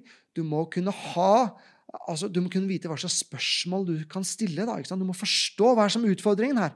Hva er det egentlig problemet jeg prøver da, som bedriftsleder eller innovatør eller som HR-direktør, eller hva det skal være. Hva er det jeg egentlig prøver å gjøre for bedriften min? Hva er det kundene egentlig spør om? Hva er det Steve Jobs sa? Drit nå i brukerne. De skal ha en seamless flow. Ikke sant? Spør du brukerne skal de ha store taster på en gigatelefon. ikke sant? Nei, la oss fjerne tastene totalt. Vi skal bare ha, vi skal ha løst et par problemer. vi. Hvordan det skjer, det er det opp til oss å gjøre. Brukerne de er litt for dumme. Og kanskje det er noe i det der. Ikke sant? Hva er det egentlig, som Elon Musk sier, da? Altså, Hva er e- det egentlige problemet vi prøver å løse her? Og ofte så er en del av altså fasitene foran øynene dine allerede. Det er i teamet ditt. Og da blir det ikke sånn at du sier 'Å, Pernille åh, og det Pernille sier, er teit, og det Gustav sier, er teit'. Kanskje det er noe teit, begge deler, men et element, kanskje bare 10% av det begge to sa. Når det plutselig kombinerte det to sammen, de der, wow! Så ble det plutselig noe genialt sammen. Og det gjør at hvem som helst, fra resepsjonisten til toppledelsen, kan være med i disse brainstormingsøvelsene. Helt enig. Men det som er interessant er akkurat det aspektet du sier der, da, er at du forbinder hukommelse med læring. Ja. Men trenger de å være så tett relatert? Eller kan vi gjøre det passivt? Ja. For når du spør Alexa eller Ja. Google Home om et svar, og de får et svar tilbake, så kan godt hende du ikke husker de neste fem minuttene. Ja. ja. Dette her med hukommelse og vaner og hvordan vi tar til Mm. oss ting. Ja. Og, og da er jeg nesten oppe og løftet det her i forhold til verdiene som jeg gjerne henger, ikke bare på bedriftsveggen, men det henger da liksom på et eller annet sted det ubevisste inni vår egen hjerne. da, ikke sant? For Mm. er, hvor er sinnet, hvor er personligheten din? ikke sant? Som veldig mye av dette er ubevisst. Og, og ennå så har vi ikke klart å definere ordentlig hva er det som er sinn. Ikke sant? Hvor, hvor- er det ubevisste? Hvor er det bevisste? Vi har ikke klart for, det? ja, ikke sant? Og dette her og de store spørsmålene osv. Vi vet 90% om det vi har vært om, lett om hjernen, har vi oppdaget de siste bare fem årene. Mm. Men jo, for hver stein vi, vi snur, så er det 18 nye steiner, eller 18 nye dører, da. ikke sant? Så spørsmålet ditt hva egentlig er, er det bare linket til hukommelse? Nei, det er det jo ikke. Og, jeg har jobbet en del med hypnose. eh, og jobbet en del med også ubevisste prosesser også. Mm. Som igjen er vitenskapelig forankret. Men, men la meg fortelle en, en morsom opplevelse som jeg hadde det er vel en 14 år tilbake, da jeg først flyttet til Portugal. Uh, og jeg trodde at portugisisk var ganske likt spansk. Nye, ikke helt. Men det er noen ord som skrives likt, men det uttales veldig forskjellig. Mm. Uh, og jeg husker jeg var for sent. Jeg hadde kjørt og skulle på, på kino sammen med en kompis på et kjøpesenter og var for sent ute. Eh, så jeg sto og tippet der for å rekke kinoen i tide. Eh, og det, heisen kom opp i femte etasje i kjøpesenteret. Jeg skulle gå inn der det var kinoetasjen. på en måte.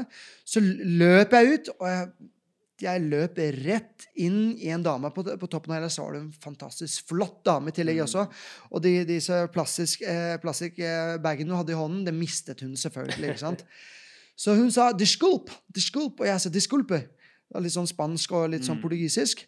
Og, og jeg ble flau, og hun ble flau og litt irritert samtidig. Det var masse følelser her som hjalp henne liksom få disse innholdet her, disse plastikk... eh, eh, altså plastic bags, hva heter det? Plastikkposer. Plastikkposer. Takk skal du ha. Litt språkforvirret her. Og, og fikk sagt unnskyld nok en gang da, og, og, og forløpt av gårde. Men det ble en emosjonell lagret liten historie, dette her. Ja, når Så- du husker det så mange år etter. Ja, jeg husker det så mange år etter. Og her kommer den greia som det er mange som ikke helt forstår seg på i dag, men det, det bruker vi i stor grad i forhold til vaneendring når det gjelder hunder. Tenk på Pavlov. Mm. Eh, I forhold til barn, og det kan også brukes i forhold til nudging, som mange kjenner i Bedrifts-Norge i dag. Så et par timer etterpå, etter middagen, nei, etter eh, kinoen, så hadde jeg da vært ute og spist osv. Så, videre. så gikk jeg inn, og så skulle jeg da via heisen her videre, ned for å da finne bilen min igjen. På nøyaktig samme sted så hoppet jeg, gjorde nesten samme bevegelse og sa 'disculp' med sånn halvveis spansk-portugisisk uttalelse. Så triggeren min var rett og slett det stedet jeg nøyaktig var. Mm. Og hvis du linker dette tilbake til folk som har blitt utsatt på overgrep, det de kommer tilbake på crime scene, så vil de ofte oppleve, om, om ikke like mye ubehag, men de opplever like, altså stort Mm. ubehag og skjelving osv. De som har vært utsatt for, altså vært med i en trafikkopplevelse, de kommer tilbake på samme sted osv. Så, videre. så steder kan trigge opplevelser emosjonelt i veldig stor grad. For meg så var det en emosjonell trigger. Mm. Og det var såpass at jeg appåtil sa halvportugisisk og sa dette her ut igjen. Så i forhold til læring da, så er det veldig mye som skjer på ubevisst nivå. Så studiet viser jo at eh, dersom du da f.eks. har lyst til å jobbe med ting som er mer personlige, kanskje jobbe med affirmasjoner, visualisering, indre dialog, linke dette opp til verdier osv., så, videre, så er det en stor fordel om du klarer å gjøre dette her rett etter du våkner, eller rett før du sovner. For da kommer hjernen inn på et eller annet sted mellom alfa og teta, det som vi da ofte kaller for flow i dag. Den deilige, fantastiske følelsen du har, så, hvor, du, opplever at du nesten kan designe dine drømmer. Wow. Lucid eh, dreaming, som det eh, kalles og brukes. Jeg vet ikke om vi har noe på norsk for dette her. Men du er, du er, du er der hvor du føler at åh, du er nesten i kontroll over søvnen din. Men når vekkerklokken går videre, og så, videre, så klarer du som regel ikke å være der altfor lenge. Men hvis du klarer å ha da Enten om du har noe visualisering, om du har indre dialog, og gjerne at det linker opp til dine verdier. Mm. For det, altså, hvis du tenker etter, For da kan du begynne å omprogrammere hjernen. ja, i mye, mye større grad, da. ikke sant? Eh, Dybdelæring vil vi ofte kalle det. også. Hvis du Mm. tenker etter at hva slags tilstand levde du i de første syv, åtte, ni, ti leveårene dine? Det var der du var! Altså, Det er egentlig hypnose, så, så sagt litt sånn flåsete. Men de var på de hjernebølgene. Det var indirekte kommunikasjon. Det var en tilstand av tett av alfa i mye større grad. Er det derfor man lærer så mye kjappere når man er liten? Ja, Eller fordi man er mye mer mottagelig for det? Jeg vil i hvert fall si at altså, en del slike ting som språklæring Mm. og learning by doing, det går mye, mye kjappere. Men selvfølgelig en del av de uh, tingene som krever da mye større logisk, analytisk ferdigheter Mm. og, og bevisst fokus over lengre tid, der suger barn. Og så sier jeg, at Alle kids er så flinke til å lære, og eller andre sier jeg, er bullshit. Så sier man også at folk er så flinke til å lære språk. Ja, til en viss grad så er det det. Særlig i forhold til uttale, og særlig i forhold til growth mindsetet. Mm. For de tar ikke på dette her som learning by doing som å feile. De bare de suger det til seg som en svamp.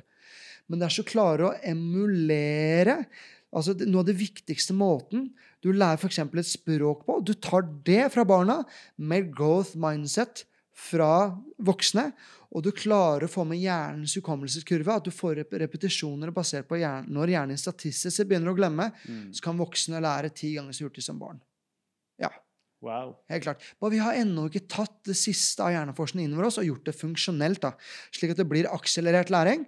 I dag, en voksen, skal du prøve å lære noe nytt, så er det eh, OK, skal du være på salsakurs, da. Hvor mange ganger har du tråkket hun der eh, bedre halvdelen din på tærne inntil du kanskje sier at nei, salsa var egentlig ikke noe for meg, ikke sant? Eller kanskje hun sier det. Eller akkurat det, da. Og da blir det gjerne du vet hva, Nei, språk ligger ikke i min familie. Jeg har ikke rytme. ikke sant? Jeg er litt sjenert. Jeg er introvert. Bullshit! Alt dette her kan trenes opp. Bare ikke ta på deg hele Grand Canyon med en gang. Mm. Ta en, ta en liten sprekk eller en, en lite steg om gangen. Gjør det gøy å få mestringsfølelsen. Og plutselig vet ikke gjerne forskjell på fantasi og virkelighet. Det er bare elektrokjemi som byttes ut uansett. Og da ble mye av det som gjorde vondt før, det blir bare gøy. Hvorfor implementerer du ikke noe av det her i skolegang? For mye av det du sier her nå, det er ikke første gang jeg hører mesteparten, men noe av det er fortsatt ganske revolusjonært for meg òg. Men jeg regner med at eh, det meste av det er fortsatt ikke implementert. Nei, en, jeg hører jo lillebroren min for hva de lærer, og hvordan de lærer. Ja. Det er jo ikke nært det her. Nei, dessverre så er det sånn. Vi, vi tok den gang da en av de dårligere videregående skolene for et par år tilbake. Mm. Eh, Så vi, eh, ble vi invitert fra NRK til å, og, de skulle følge oss i dette prosjektet her. Da. Så de lagde en reportasje om oss i Memolife. Da tok vi 80 av elevene med videregående skole og hjalp dem til at rett og slett bare med en femminutters liten hjernedate om dagen Mm. og i løpet av et par uker så hadde 80% av alle disse elevene som var med, de gått opp med én karakter til eksamen. Og Wow. i den reportasjen her så har du gråtende barn som sier ja, men, jeg trodde jeg var dum. De har gått på smell på smell gang på gang. Og den skolen her hadde hatt altså, mye negativ presse. Det har vært knivstikking, mye dopmisbruk, inn og ut av psykiatrien. altså sånn prime time der, ikke sant? Mm. Men plutselig så hadde de fått mestringsfølelse innenfor noe som de hadde opplevd var en del av deres identitet, og det å være dum. Mm. Derfor så hadde du jo stammene, og det var liksom tårer i øyenvikene. Men, men det, det, det, dersom dette her stemmer Nei, jeg skjønner ikke at det er mulig. Dette, dette hadde du av sannhetsvitner som gikk ut og sa. Resultatet, halvt år etterpå, så var rektoren som var der, han var på en annen skole.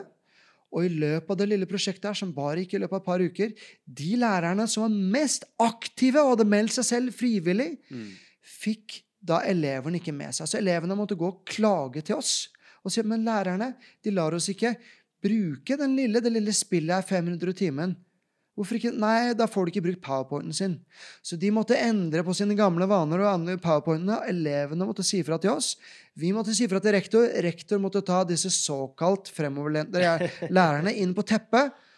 Og det endte at det ble litt dårlig stemning Og, dette. Mm. Og det, kanskje ble det sånn at rektor gikk videre et annet sted. Så der hvor endringer skal være gøy, så er endring ofte vondt. Dessverre. For det å lære er en jobb for ganske mange, Ja. istedenfor en calling. si. Og så er det ennå dette mentale. Det siste innenfor hjerneforskningen her er ikke, det er ikke bygd, bygd bro da, fra kall gjerne laboratoriene inn til virkelighetens verden. Så det har ennå ikke vært pensum på lærerhøgskolen. Eh, og veldig mye av eh, det kaller for neuromanagement, altså, altså rektor som har gått på ledelseskurs osv., det har ikke hatt det med der. Det har ennå ikke blitt satt ordentlig i, da, i, eh, i, i forsetet når det er samfunnsutvikling generelt sett. Mm. Altså, hvor hurtig Selvfølgelig kommer vi til å være avhengig av oljen i en god stund fremover. Men allerede nå så er det viktig at vi setter dette her med endring og hjernen, altså det mentale, i forutsetet. Ikke sant? Det, det påvirker da altså, ah, når du har nesten så mye som en tredjedel av skoleungdom ikke fullfører videregående i tide. Hva i all verden er det? Altså, det, det, det bare duger ikke. ikke sant? Det er ikke godt nok. Noe tilsvarende nesten like høye tall er uføretrygda, og det er nesten dobbelt så høyt her i Norge som i Sverige, det er ikke bra nok. Norge sover i timen. Det gjelder bedriftsledere, politikere og også lærere. Mm. Altså, Vi må gjøre ting annerledes. og Det, det er liksom de froskene her, da. De har det såpass varmt nå at de snart ikke klarer å hoppe ut. Og det er risikoen vi kjører, Ja, at vi ja, sover sover i klart. timen. Helt klart. Se på, se på Singapore, hvor de har satt Mm. det mentale som sitt internasjonale konkurransefortrinn. Og de var opprinnelig veldig rigide, veldig firkanta. For på 80-tallet for 80-tallet var de avhengig altså De var Manufacturing Society. De skulle følge protokoll. Det var, du skulle ikke være kreativ da. Men nå har de begynt å sette kreativitet i høysetet. Mm. Og sannelig har de ikke begynt å kunne utfordre ting der også. Og de tar oss igjen på alle områder. Og det her gjenspeiler seg også i skolene. Ja, det gjelder over hele linja. Se på Kina. Vi trodde bare for et par år tilbake at de ikke ville være kreative. Se nå, ikke bare er de mye kjappere på å implementere kreative ideer, men de er også mye kjappere på å komme med nye ideer. Mm. Plutselig ser du altså, volumet av patenter gå gjennom taket. Ikke sant? Hvor mange millioner mennesker finnes ikke i Kina alene som kvalifiserer for å kunne være medlem av Mensa? Altså de som har verdens høyeste IQ i verden. Dette burde vi se på og egentlig eh, bite negler av, altså. For nå begynner de da virkelig å kunne ta dette med kreativ problemløsning og ligge foran oss der også.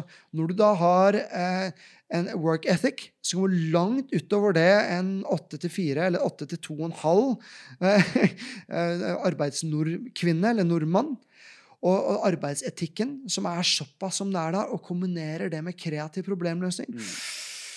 Da begynner du virkelig kunne se for seg at Fremtids-Norge er styrt av eh, ja, det er herr Meyer fra Tyskland. Det er, det er Cheng eh, ikke sant? Fra, fra, fra, fra Kina. Mm.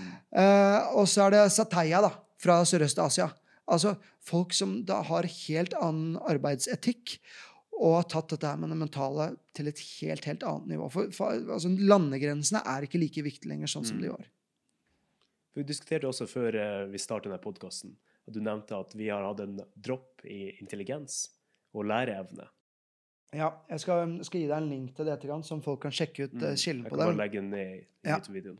Eh, Det kan egentlig være en topp ti, eller hva vi nå legger ut. hva temaet vi har gått gjennom her. Mulig vi skal ta noen husketips for det også. Akselerert læring av Jeg tror jeg har vært podkasten. en veldig grei måte å avslutte på også. Ja, altså Hvis det er noen som syns det er kult, det vi har snakket Mm. om, så kan vi i sørge for at du lager en topp ti i etterkant. da. Mm. Jo, ganske spennende at en undersøkelse ble lagd i Norge. Eh, som eneste land i verden hvor du ser at for første gang i historien så har snitt-IQ-en i befolkningen dalt de fem siste år. Og ellers, altså Det er Flynn da prater vi om de fem siste årene nå. Ja, det var fem siste årene da. Mm. Det ble gjort, så Den begynner å bli et par år gammel allerede, men den er ikke, den er ikke så gammel. Mm. Men Flynn-effekten Flynn var en som det virkelig guruen innenfor i, eh, IQ-forskning. Den har, den har vist det har gått oppover, opp, opp, oppover. Mm. Hadde vi trodd på en måte skulle vare. Men så plutselig ser den er peaked. Den begynte begynt å gå nedover. Og hvis du legger den kurven her oppå kurven med bruk av det apparatet som du og jeg har i lomma nå, så vil du, ja, zzz, zzz, så vil du se at de kurvene ville følge seg gans, ganske bra. Mm. Så vi har rett og slett latt teknologien trene hjernen vår, fremfor at vi har brukt teknologien til Nei, altså vi har brukt hjernen til å trene og forme teknologien, fremfor at vi har brukt hjernen til å forme omgivelsene våre, fremfor at vi har brukt hjernen til å forme relasjonene våre, arbeidshverdagen osv. Det går perfekt med det vi diskuterte tidligere i podkasten. Ja, ligge et hode foran fremfor ligge et hode bak. ikke sant? Og det med miljøet, det påvirker oss i veldig stor grad. For i, i veldig høy grad så tenker vi da at å få sånne verktøy som iPhone eller Android-telefoner kommer til å forbedre vår produktivitet, forbedre vår evne til å yte. Ja. Men det vi, sier det vi ser av forskning, er at det faktisk senker vår evne til å lære, evne til å tenke. Ja. Helt klart, dessverre. Så nå, nå jeg- Det er nesten som å, å banne i kirke her også, for vi er jo en digital hjernegym i Memolife, for du lærer fremtidsferdene lynraskt. Så, men hvis du setter da et mål om å, å ta et par brain dates på fem minutter i løpet av en, en hverdag, da. Men når du er ferdig med dem, så sier vi også logg av. Du har gjort greia di i dag. Logg av. Gå ut i naturen. Sørg for at du har gode relasjoner. Vær til stede med barna dine. Vær til stede i den krangelen du har eventuelt med, med dama di. da, ikke sant? For det er ikke sikkert, hvem vet, det er ikke sikkert hun er der i morgen, eller han er der i morgen, tross alt. Og bak den krangelen så kan det være et eller annet vi kan lære. Det er en god intensjon, til syvende og sist. Men fordi vi, vi er liksom, vi er- blitt mer og mer overfladiske. Det viser jo noe forskjell. Vi er rett og slett blitt dummere ikke sant, enn vi var før. Og det er jo ganske trist, da. Ikke sant? Som det som er meningen, som skulle være en akselerator for å gjøre oss smartere, kanskje varmere, bedre mennesker, har gjort oss som mer korttenkte, dummere og jeg vil også tørre å påstå kaldere mennesker. For det er jo også tett forbundet med det du kalte boka di, da. Før maskinene kommer. Ja. Jeg spiller jo litt på dette her, og så ligger Tode foran. 16 ferdig du trenger før Mm. roboten overtar. Eh, Det blir jo det, ikke sant? Altså, du ser på det som at vi ikke kan ha en symbiose der hvor vi beveger oss framover. du, du har to skoler her, da. Du har godeste eh, Kurtzwell, uh, innovasjonsdirektør i, uh, i Google. Han har en masse stillinger tidligere, osv. Og så Elon, som da eh, eh, sier at wow, det ene er jo av skummelt, skummelt, skummelt. Og Kurtzwell sier nei, jeg elsker det, elsker det, elsker det. ikke sant? Uh, Kurtzwell sier jeg er polyamorøs, mer, mer desto bedre. Og, og Elon sier vi trenger å ha en slags tredje eller fjerde hjerne vi kan putte på toppen, som være et slags beskyttende mellomlegg, hvor du selv kan bestemme hva du skal laste opp, og hva du kan laste ned. Men begge de to er fortsatt for at teknologi skal være en Ja. større del av vårt liv. Er Og vi ser også at den progresjonen er ganske uunngåelig, så vi kan sakne den ned. Ja. Mye av det er et så sterkt konkurransefortrinn Ja. at vi rett og slett ikke kan bare legge den til sidelinja. Ja, altså Som jeg sier her, da, så eh, Jeg får jo jevnlig nå meldinger av, av, av eh, kompiser som er jobbende i Kina. Mm. Og en av hovedprogrammererne eh, i teamet mitt nå flytter også til Shenzhen, da, i, Kinas dig, Digital Valley. Men de andre som er der allerede, de sender jo da fyllebilder, da, rett og slett, med snapshot. For de har, fått da en bot idet de går skrått over gata i fylla, og via ansiktsgjenkjenning så har det blitt gjenkjent. Og de har ikke gått over da zebra stripes, eh, hva heter det, mm, fotgjengoverfeltet. Uh, og via ansiktsgjening har det blitt gjenkjent og sånn sett fått en bot. Og gjør de det for ofte, så blir jo det discredited i Kinas social justice and credit system. Og da havner du jo nederst. Du ender med ikke å få lov til å fly, du får ikke lov til å booke de gode hotellene, barna dine får ikke gå på gode skolene. Og det blir jo 1984 Big Brothers watching. ikke sant? Så eh, Orwellian samfunn. Ah, det altså, dessverre så er det virkelighet i dag. Hvis, hvis vi skal begynne å bli politisk her, da, hvis vi spør uigirene, da, som da er der i Sentral-Asia og da i, i Vest-Kina, så har du da kameraer på jeg, hver, hver hundrede meter allerede. Og for dem så er dette her i stor grad virkelighet allerede. Eh, estimatet er et par millioner som er inne i leirene.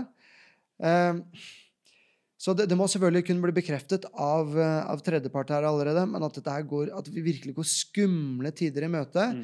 der er nok mye større fan av, eh, av godeste Elon. Og du ser jo her at på en brøkdel av et sekund så kan du bare via microfacial expressions lese Altså, litt som vi var innom før i dag, jeg vet ikke om vi nevnte det på podkasten eller ikke, eller om vi tok det om før, at allerede så mye som syv sekunder før du har tatt en beslutning, så kan jeg via pupillene dine, via ansiktsmimikken, via pusterytmen og tonefallet ditt, Mm. kan jeg lese hva slags beslutning du allerede har tatt. Når du tar de, som, som en forbruker, for vi er forbrukere i dag, Mm. og vi tar de fleste av våre beslutninger foran en eller annen skjerm, eller foran Alexa, hvis du hører tonefallet der allerede, hva slags beslutningsstøtte gir ikke vi da Apple og Google Mm. og, og Amazon, da? Vi kommer til å få Minority Report bare i virkeligheten. Ja, ikke sant? Rett og slett før. Ja, vi er jo der allerede. Mm. Vi er, altså, I forhold til big data så er vi der allerede før du og jeg vet, egentlig. Så får du, kan du da allerede få anbefalinger for hva du burde velge. Mm. Eller en bot sju sekunder før du får handlingen. Ja, det er akkurat For hvor går grensa? Du gjorde det ikke, men jeg så det på deg. Oh, ok, da. ikke sant? Det blir liksom, du må gå, Alle går med solbriller som kan blokkere ut. da. Ah, det, er, eh, det er fascinerende tider, og det er, det, er, det er, skumle tider. Og jeg håper jo inderlig at, eh, at de private selskapene og det litt mer fremoverlente, balanserte samfunnet som Norge og skandinaviske modellen da har, Eh, kan få ræva i gir og sørge for at froskene hopper ut av det kokende vannet mm. tidsnok og skjønner at det, det, nå må vi kutte ut og, og, og, og fucke med dette her. Vi må få folk som virkelig har kompetanse inn i politikken. Eh, de må rådført. Lærerne deres lønninger må gå opp betraktelig. Altså I Singapore så er det eh, lærerne de har millionlønninger som de beste ledelseskonsulentene. Mm. Det er der de er. Altså Det er et høyt respektert yrke, ikke sant? for de skaper Fremtids-Norge. Det kan ikke være at det i stor grad er at uh, lærere det, ja, det, er det du blir, for du kommer ikke inn på noe annet yrke. Altså, no offense, må nesten kalle en spade for en spade her. Mm. Og det kan ikke bli at du er en yrkespolitiker og ikke har hatt et Unnskyld at jeg eh, kaller det som jeg gjør her nå, men et realt arbeid. Før du, hadde, liksom, du har vært der i flere generasjoner, da yrkespolitiker. Mm. Altså så out of touch med mye av det som er. Nei, du må det beste innenfor de diverse bransjene. Jeg tror Det, det er nesten som du skulle vært hatt et internship. For å kunne bli toppolitiker så må du ha gått runden. Du må nesten som da, altså de store Leonardo da Vinci, du må være jævlig god på mange områder. Mm. Skal du være politiker, skal du ha det ansvaret det er for å lede et samfunn nå fremover, hvor store deler av samfunnet i hvert fall i periode, kommer til å være uten arbeid, da må du virkelig ha gått graden. Du må ha svart belte i livet og i næringslivet. Det du sier der, er helt riktig. Det samstemmer med det vi finner ut nå i forskning også. at ja. Det er ikke spesialistene som er flinkest til å se hva som kommer til å skje framover. Ja. Det er generalistene som tar litt fra alle felt og ser sammenhengene mellom dem. Ja, og så må du ha, må spille på lag med spesialistene.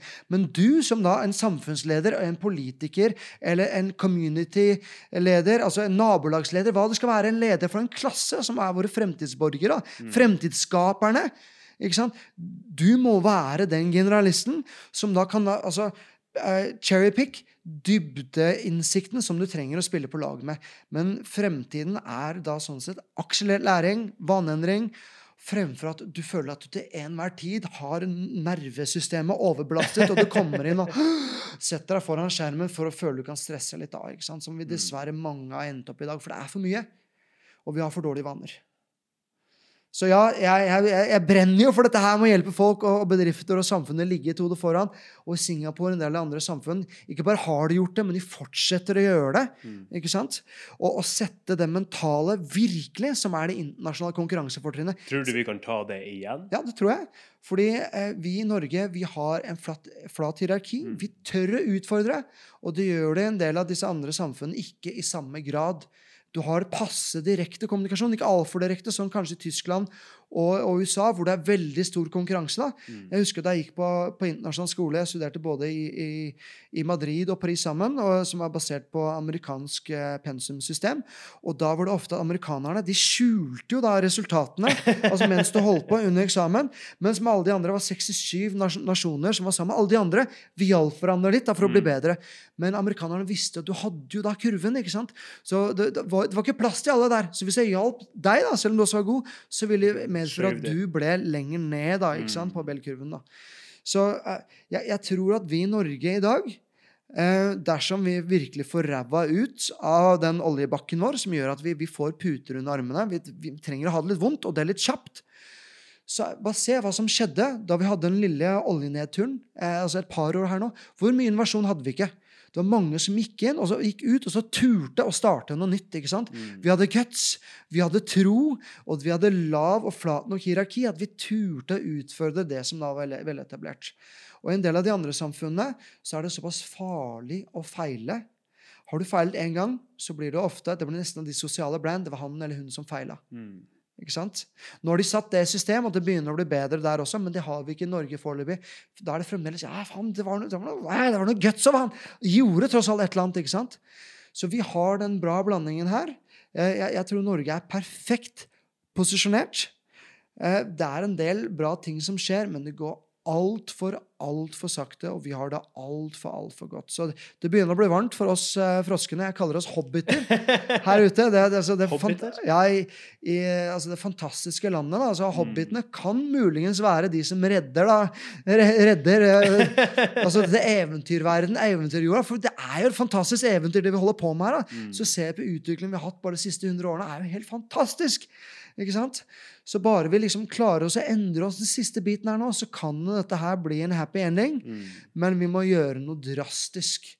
Og vi kan gjøre noe på individnivå. Det er ikke bare bedriftsnivå, det er ikke bare samfunnsnivå. Det begynner mellom det vi har mellom ørene. Så om et individ har lyst til å forbedre seg sjøl etter å ha hørt denne podkasten, eller Ja. generelt har tenkt at det er på tide at jeg gjør noe, hva vil du anbefale? Hva er de enkle steffruktene å rett og slett plukke? Ja. Jeg vil nesten svare med litt, uh, litt, litt flåsete ting å si, altså. Fordi um, Jeg ble nesten litt flau å si dette, her, men, men kjærlighet, er, kjærlighet er svaret. Og- Det er der tenker du da, Frank. og, og, og, og la, meg, la meg linke til det, så jeg kan vise at jeg har litt sånn vitenskapelig forankret her også. For innen psykologien og nevropsykologien så har du noe som heter emotional inertia. Mm.